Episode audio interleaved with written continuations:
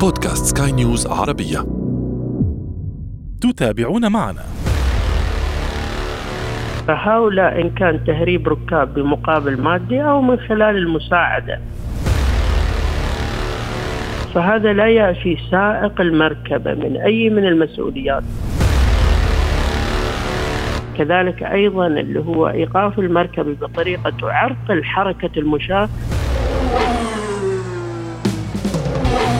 محركات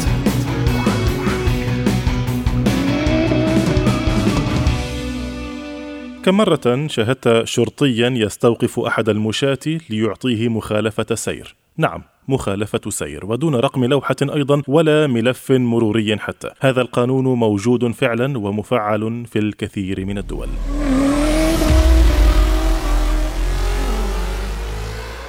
أهلا بكم مستمعين في محركات برنامج البودكاست الذي يهم كل من يقود أي نوع من المركبات أو حتى يجلس فيها. نحن هنا نهتم بتقوية ثقافة المركبات لديكم وفي كل حلقة نفتح أحد الملفات ولا نغلقه قبل أن نصل إلى نتيجة وتوصيات. أعده وأقدمه لكم أنا أشرف فارس عبر أثير سكاي نيوز عربية.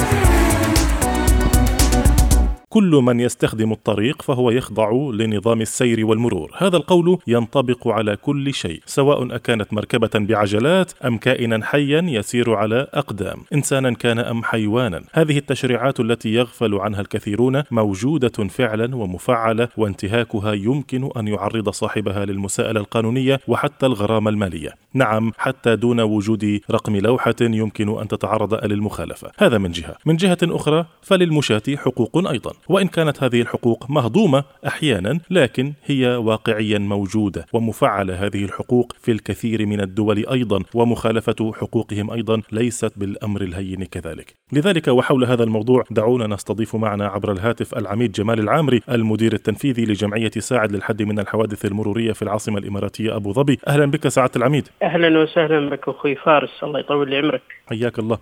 أه سعادة العميد الكثير من الناس لا يعرفون ما هي حقوق المشاة. يعني عندما تخرج من أبو ظبي وتذهب إلى أي مدينة أخرى تجد الكثير من الناس أه يقفون فوق خط المشاة بالمركبة أتحدث دون خوف. من القانون لأنهم لم يعتادوا على وجود مخالفة رغم أن هناك مخالفة فعليا وهذا يعتبر انتهاك للقانون. أنا تحدثت عن واحدة منها. اذكر لي أنت اجمالا ما هي أبرز حقوق المشاة التي قد لا تكون واضحة للكل. نعم أول شيء أقول بسم الله الرحمن الرحيم مع تمنياتي للجميع.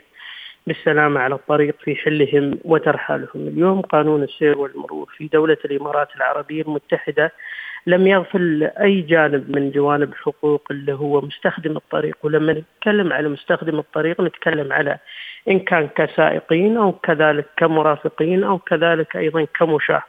وهنا أيضا بالنسبة للمشاة لم يغفل حقهم من خلال النقاط المرورية التي تم تطبيقها أو تدوينها من خلال اللي هو اللائحة التنفيذية لقانون السير والمرور لسنة 1995 وذلك من خلال اللي هو التطبيق الأخير بسنة 2007 أثناء ما تم تنفيذه في 1 7 2017 فالشاهد في الموضوع سيدي الكريم بالنسبة لمخالفة المشاة من خلال عدم التزامهم بقطع الطريق من الجوانب اللي هي المخصصة تم ذكرها بالتفصيل من خلال المادة 89 من جدول الغرامات في اللائحة التنفيذية.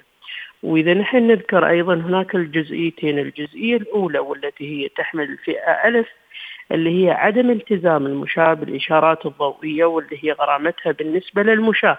أنا أتكلم الآن مباشرة للمشاة.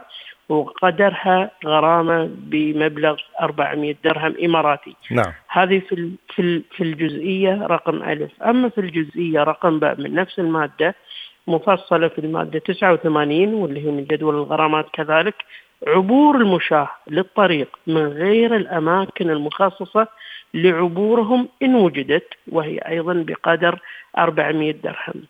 فهذه المادة مباشرة إلى مستخدم الطريق من المشاة بالتحديد. نعم. السؤال اللي ممكن يطرح نفسه هنا سيدي الأستاذ أشرف كيفية تنفيذ هذا الإجراء؟ سؤال صراحة في محله لأنه الكثير من الناس يعني يحتاج شرطي لكل إنسان لكي يراقب تصرفاته. نعم. نعم. طبعا بالنسبة لإدارات المرور ممثلة تحت مظلة وزارة الداخلية تقوم بتنفيذ هذه المادة طبقا للقانون قانون السير والمرور المطبق في 1 7 2017 من خلال رجال المباحث. رجال المباحث اللي هم بالتحديد مباحث المرور أيضا بالزي المدني يقومون بمراقبة الأماكن الخطرة. وبالتحديد أقصد بالمناطق اللي هي إن كانت وجدت وسط المدينة بالتحديد واللي هي موجودة طال عمركم إن كانت في الأسواق أو في الأماكن الحيوية أو في أماكن المراكز التجارية والتي أيضا تم اعتماد وتم إنشاء المنشآت المخصصة لعبور المشاة إن كان من أنفاق أو إن كان من جسور أو إن كان من ممرات أرضية بالإضافة إلى وجود الأسوار اللي هي الحديدية التي تمنع تجاوزها إلا في الأماكن المخصصة. ومن هنا يتم ضبط هؤلاء المتهورين من المشاة في عدم تطبيقهم وتنفيذهم بالمرور إن كان بالعبور من على الجسور العلوية للمشاة أو من خلال الأنفاق الأرضية للمشاة أو من خلال الممرات الأرضية التي على سطح الطريق بالنسبة للمشاة. والتي يقومون بإقحام أنفسهم على الأسوار أو كان من خلال تجاوز الجزيرة الوسطية أو من أي من الأماكن التي ممكن أن تهدد حياتهم في المقام الأول كمشاة. وأيضا عنصر المفاجأة بالنسبة لمستخدم الطريق من السائقين في وقوع حوادث الدهس لا قدر الله من خلال تنفيذها لرجال المباحث وأيضا اللي هو سحب هوياتهم الخاصة ومن خلال فتح الملفات الخاصة من من خلال الرقم رقم الهوية الإماراتية التي يحملها أي من هؤلاء الموجودين في تلك الأثناء في هذه الأماكن. تمام. فيما يتعلق في حوادث الدهس، هناك نقطة ربما ليست واضحة، ربما أنت تحدثت عنها لكن أريد أن أسلط الضوء عليها نعم. بشكل من زاوية أخرى. نعم. آه نعم. إذا كان المشاة هم السبب في الحادث، هم من تسبب صحيح. وجودهم بحادث سير، كيف يتم الفصل في هذه النقطة؟ وكيف يتم التعامل؟ وكيف حتى يتم إثبات الحق ضد ضد الشخص المتسبب؟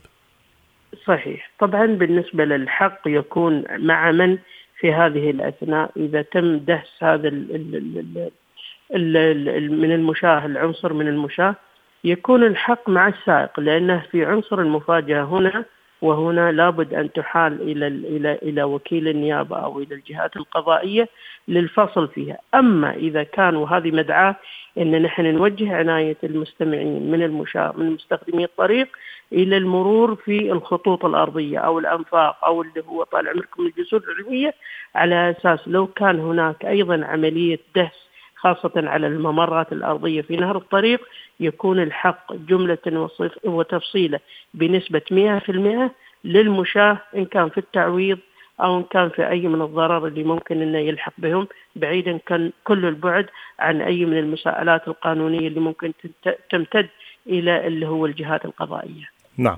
طيب إحنا نحن تحدثنا عن موضوع قطع الطريق في غير من غير مكانه المناسب. آه، نعم. آه، النقطة الأخرى موضوع التطفل على الحوادث السير. نعم هذه المادة وذكرها القانون قانون السير والمرور لدولة الإمارات العربية المتحدة بالتحديد في المادة 74 من خلال النص القائل واللي هو عرقلة حركة السير بين قوسين التجمهر أثناء حوادث السير. اليوم هؤلاء من المشاة أو من المترجلين عن مركباتهم أو من اللي هو المرافقين أثناء وجودهم في تلك المركبات يتم تحرير مخالفة مرورية بلوحة الأرقام اللي ممكن تكون موجودة لهذه المركبة وقدرها ألف درهم إماراتي.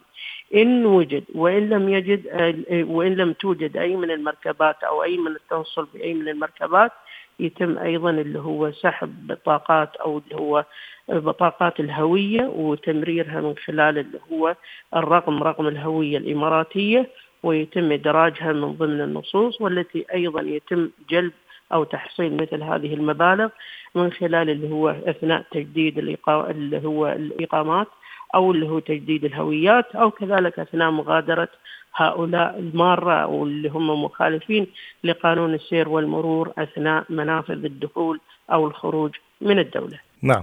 طيب ماذا بالنسبة للرياضيين الذين يمارسون الرياضة في مناطق سكنهم؟ لا يفضلون الذهاب إلى آه، إلى أماكن بعيدة بعيدة عن مناطق سكنهم آه، لحلبات المشي أو حلبات الركض. يمارسون الركض والمشي في مناطق سكنهم والتي هي في النهاية في الشوارع والطرقات التي هي مخصصة أصلا للسيارات وليست للمشاة.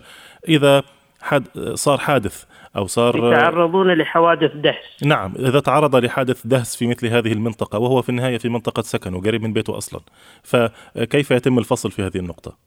لا قانون السير والمرور سيدي واضح اليوم ما تم تخصيصه من ممرات للمشاة وتم اتباع خطوات هذه القوانين أو مثل ما تم سنها هذه وتم قطعها بالأماكن المخصصة يتم اللي هو التعامل معها من خلال اللي هو قانون السير والمرور، أما إذا خالف مثل هذه الأنظمة أقصد قطع الطريق من الأماكن الغير مخصصة يتم تنفيذه بعيدا كل البعد عن إن كان يمارس الرياضة أو ما يمارس الرياضة، لأن قانون السير والمرور في مواده ال 114 مادة مرورية لسنة 2017 في جدول الغرامات من اللائحة التنفيذية قانون واضح وجلي لأي من الأمور اللي ممكن إنها تكون إن كان للمشاة أو إن كان للسائق أو كذلك لمن هم أيضا من مستخدمي الطريق.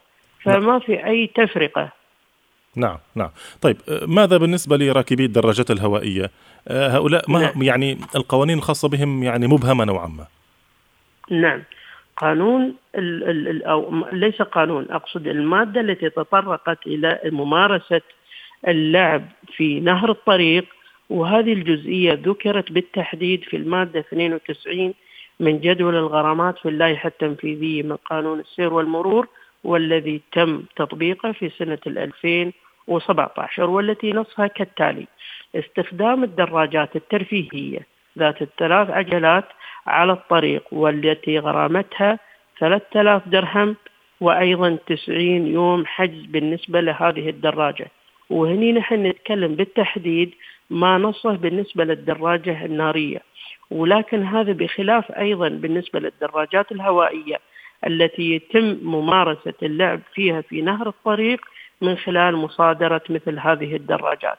ممكن أن تستخدم اللي هو تطبيق روح القانون من خلال المخالفين اللي ممكن يكونون موجودين والتي والذين يكون يافعين أو أطفال أو من هم في هذه السن بمصادرة الدراجة اللي هي الهوائية مع عدم تحرير المخالفة المرورية. لكن نحن بصدد اللي هو الدراجة النارية لا يتم اللي هو مخالفته بقدر قيمتها اللي هو غرامة 3000 درهم و90 يوم بالنسبة للحجز بالنسبة لهذه الدراجات. ما دون ذلك يكون أيضا التعامل مع دراجات اللي هي طلبات المطاعم أو اللي هو طال عمرك اللي هو البقالة أو ما شابه ذلك بنفس اللي هو مصادرة الدراجات الهوائية. لأن في أحيان كثيرة من خلال التصرفات اللي ممكن ان تكون ليس فقط إنه هو موجود في نهر الطريق أو معرقل لحركة السير والمرور لا كذلك أيضا ما نجده إنه يتجه أو يمارس أو يقوم بقيادة هذه الدراجة بعكس اتجاه الطريق. طيب بالنسبة لراكبي الدراجات الهوائية تحديدا نعم. إذا صار حادث معهم هل يتم محاسبتهم على ارتداء الخوذة الواقية والأدوات التنبيهية التي تنبه السائقين الآخرين أم لا؟ قانون السير والمرور بالنسبة لدولة الإمارات العربية المتحدة لم يتطرق بشكل مباشر بالنسبة لأدوات السلامة واستخدام أدوات السلامة بالنسبة لمرتادي أو قائدي الدراجات الهوائية ولكن كانت المسؤولية ملقاة على عاتق اللي هو قائد المركبة الذي موجود بنهر الطريق. فمن هنا يتم محاسبة اللي هو بشكل مباشر قائد المركبة بالنسبة للموجود في هذه النقطة أو في هذه المنطقة اللي ممكن أنه يتعرض قائد الدراجة الدراجة الهوائية لحادث الدهس لا قدر الله ويتم تطبيق اللي هو الإجراءات بما أن إن كان كان مذنب أو غير مذنب ويتم إجراء اللي هو التعويضات المناسبة على حسب تفاصيل الحادث نعم. هذا في حال كان الدراج على مسربه الخاص بالدراجات لكن ماذا إذا كان على الشارع على الطريق لكن أيضا آه، يلتصق بالطرف الأيمن من الطريق لكن ليس مسرب الدراجات؟ لا في نهر الطريق هنا يتحمل اللي هو أيضا جزء من المسؤولية ولكن لا يحاسب عليها ولكن أيضا جزء المسؤولية إنه هو مارس الهواية أو مارس قيادة هذه الدراجة في مكان لا يسمح لها القيادة بها. نعم. طيب جميل. آه هذه القوانين نفسها تسري على الدراجات الكهربائية. هذه الدراجات الكهربائية تسير بسرعات يعني يعني هي أقلها تسير بسرعة 20 كيلومتر بالساعة.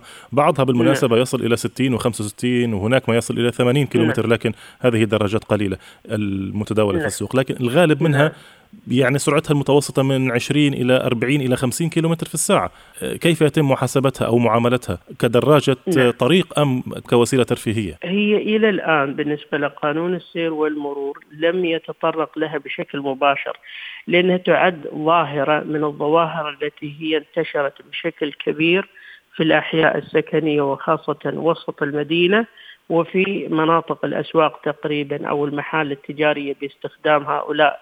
من الباعة اللي ممكن يكونون من فئة أو جنسية معينة. وهنا قامت اللي هو إدارات المرور مشكورة بالقيام بحملات اللي هو مصادرة مثل هذه الدراجات الكهربائية اللي أقول عليها بين قوسين السكوتر. أما بالنسبة لنص مادة مباشر ليس هناك أي من المسؤولية اللي ممكن أن يتحملها هذا قائد المركب قائد هذه الدراجة الكهربائية. السكوتر إن كان كأحد البالغين أو كان من اليافعين أو من الأحداث. ويمكن نحن على مر الأشهر الماضية مع بداية اللي هو 2021 سمعنا بعدد من الأحداث المميتة التي راح ضحيتها عدد من الأطفال أو عدد من البالغين بسبب اللي هو ممارسة مثل هذه الهواية أو قيادة هذه الدراجات السكوترات بين قوسين أو الكهربائية إلى في نهر الطريق. ومن هنا أيضا يطبق اللي هو مع تحمل الجزء من المسؤولية ولكن المسؤولية الأولى والأخيرة ملقاه على عاتق القائد قائد المركبة بأي من الأجزاء بالنسبة لتحمل الضرر أو بالنسبة للتعويضات. نعم. آه، وأيضا يعني إضافة لذلك هذه الحوادث كانت آه، كان سببها غالبا يعني عدم ارتداء يعني الشباب الذين لا يرتدون آه، خوذات واقية أو أي وسائل سلامة ومنهم من صحيح. أكثر من شاب يركبون على سكوتر واحد يعني هو لا يتسع لشخص واحد فكيف يتسع لشخصين هو وأكثر هو طيب. ممكن يكون فيها عنصر المفاجأة م. التي ممكن أن يذهب ضحيتها قائد هذه الدراجة الكهربائية أو السكوتر بين قوسين لماذا؟ لأنه ممكن يكون قامته ليست على مستوى المشاهدة بالنسبة لقائد المركبة ومن هنا تتم عملية الحوادث التي تتم على هؤلاء إن كانوا من اليافعين أو من اللي هو الأطفال التي وقعت عليهم هذه الحوادث. نعم. طيب آه، الحيوانات. الحيوانات الأليفة ليست ليست الحيوانات السائبة. آه، الكلاب والقطط التي يمتلكها غالبا الكلاب التي يمتلكها آه، أصحاب أصحابها. هذه مسؤولية من إذا كانت تسببت بأي أذى للآخرين؟ ابتداء من لا سمح الله تسببت بمفاجأة أحد السائقين وتسببت بحادث سير أو حتى على الأقل وأنت بكرامة تركت بعض بعضا من من مخلفاتها في الطريق. طبعا في بخصوص هذه الحيوانات أجلك الله والسامعين كذلك بالنسبة إن كانوا كقطط أو كانوا كأجلكم الله كلاب طبعا هذه في لها قانون بالتحديد يقوم عليه اللي هو رجال البلديات اللي موجودة إن كان كالبلديات اللي موجودة في إمارة أبو ظبي أو كذلك بأي من الإمارات المختلفة. وهنا طبعا ليس بالضرورة أن نحن ممكن أن نحن نقول أنه قد يتسبب في ضرر لا قدر الله لحادث مروري. ولكن ممكن أنه لو قدر الله أن هذا يندهس بسبب أو بآخر انه يعني آه، وصل إلى مجال انه لا محالة أن يقوم قائد المركب بدهس هذا الحيوان وفي بعض الأحيان ساعه العميد بعض الأحيان بعض الناس يخافون من دهس الحيوانات فيتسبب بحادث آخر يعني إذا قفز صحيح. الحيوان أمامي في الطريق صحيح. تختلف ردة الفعل من شخص لآخر البعض يدهسها نعم. لكن البعض الآخر يتجنبها بشكل مفاجئ ويتسبب بحادث قد يكون مؤذيا للآخرين في مركبات أخرى نعم. نعم هذه بالنسبة للأمور التي ممكن أن تكون بالتفاصيل اللي ممكن لها يعني مواقف معينة أنها تحال إلى الجهات القضائية من وكيل النيابة إلى القضاء للبث فيها في تفاصيلها بعيدا كل البعد عن أي من الأشياء اللي ممكن نحن ذكرناها في قانون السير والمرور. نعم. طيب موضوع الركوب مع الغرباء واستيقاف الغرباء. موضوعين. آه، أين هنا يقع الحق إذا حدث أي طارئ بعد الركوب مع الغريب أو أثناءه. يعني إذا نعم. صار حادث سير وأنا معي في المركبة شخص غريب لا أعرفه أنا أخذته من الطريق. كيف يتم الفصل هنا؟ الفصل بالنسبة هذا الكلام يمكن تحدثنا فيه في وقت سابق واللي هو نحن بين قوسين نقول عليه اللي هو تهريب ركاب. صحيح. فهؤلاء إن كان تهريب ركاب بمقابل مادي أو من خلال المساعدة فهذا لا يعفي سائق المركبة من أي من المسؤوليات. وهني نحن نوجه نداء إلى اللي هم ممكن أنهم يستقلوا مثل هذه السيارات التي لا يعرفون مالكيها. من هنا ممكن أن لا تكون هذه المركبة مؤمنة أن ممكن تكون هذه المركبة مطلوبة أن يكون هذا الشخص مجرم أن يكون هذا الشخص معمم عليه. فهلم جر من هذه التفاصيل التي لا يكون الإنسان على علم فيها بالنسبة للركاب. أما بالنسبة للسائق هنا يتحمل مسؤولية الشخص الذي يدخل هذه المركبة ويستقلها وإذا تعرض لا قدر الله لأي من الضرر أثناء الحادث يتحمل مسؤولية التعويض بالضرر أو مسؤولية التعويض في الدية. نعم. أنا أشكرك جزيل الشكر سعادة العميد. يعني بالفعل كانت معلومات آه، في منتهى الجمال. وضحت لنا الكثير من النقاط خاصة لمن يستهينون بحقوق المشاة على الطرقات الله يسلمك وإن شاء الله نحن أيضا يعني قبل ما نختم هذه الجزئية من هذا البرنامج الكريم في عندنا عدد من المواد التي هي أيضا حرصت على اللي هو حقوق المشاة واللي هي المادة 59 من قانون السير والمرور و65 وكذلك 66 والتي هي تقول إيقاف المركبات على ممرات عبور المشاة وقدرها غرامة 500 درهم. كذلك المادة 65 إيقاف المركبة بطريقة تسبب خطر للمارة وقدرها 400 درهم غرامة. كذلك أيضا اللي هو إيقاف المركبة بطريقة تعرقل حركة المشاة وقدرها 400 درهم.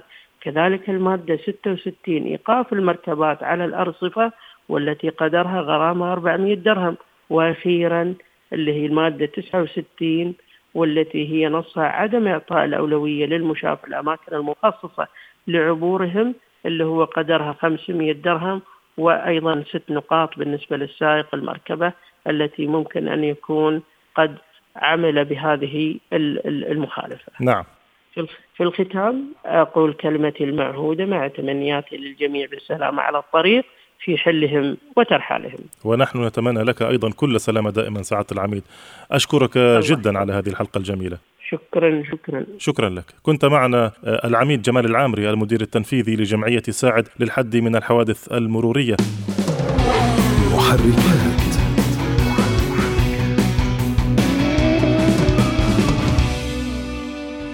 وأنتم مستمعينا الكرام إذا حاز هذا البودكاست على استحسانكم يرجى منكم إعطائه التقييم المناسب. وإذا كانت لديكم أي تعليقات أو تحسينات يسعدنا أن نستقبلها في رسائلكم إلينا عبر مختلف منصاتنا أو في التعليقات أسفل هذا البودكاست. طبعا إذا كانت ميزة التعليقات متاحة كان معي في الإخراج الفني إدي طبيب. وفي الإعداد والتقديم كنت معكم محدثكم أنا أشرف فارس. نشكركم دائما على حسن المتابعة. دمتم دائما وأبدا. في أمان الله. مع السلامة.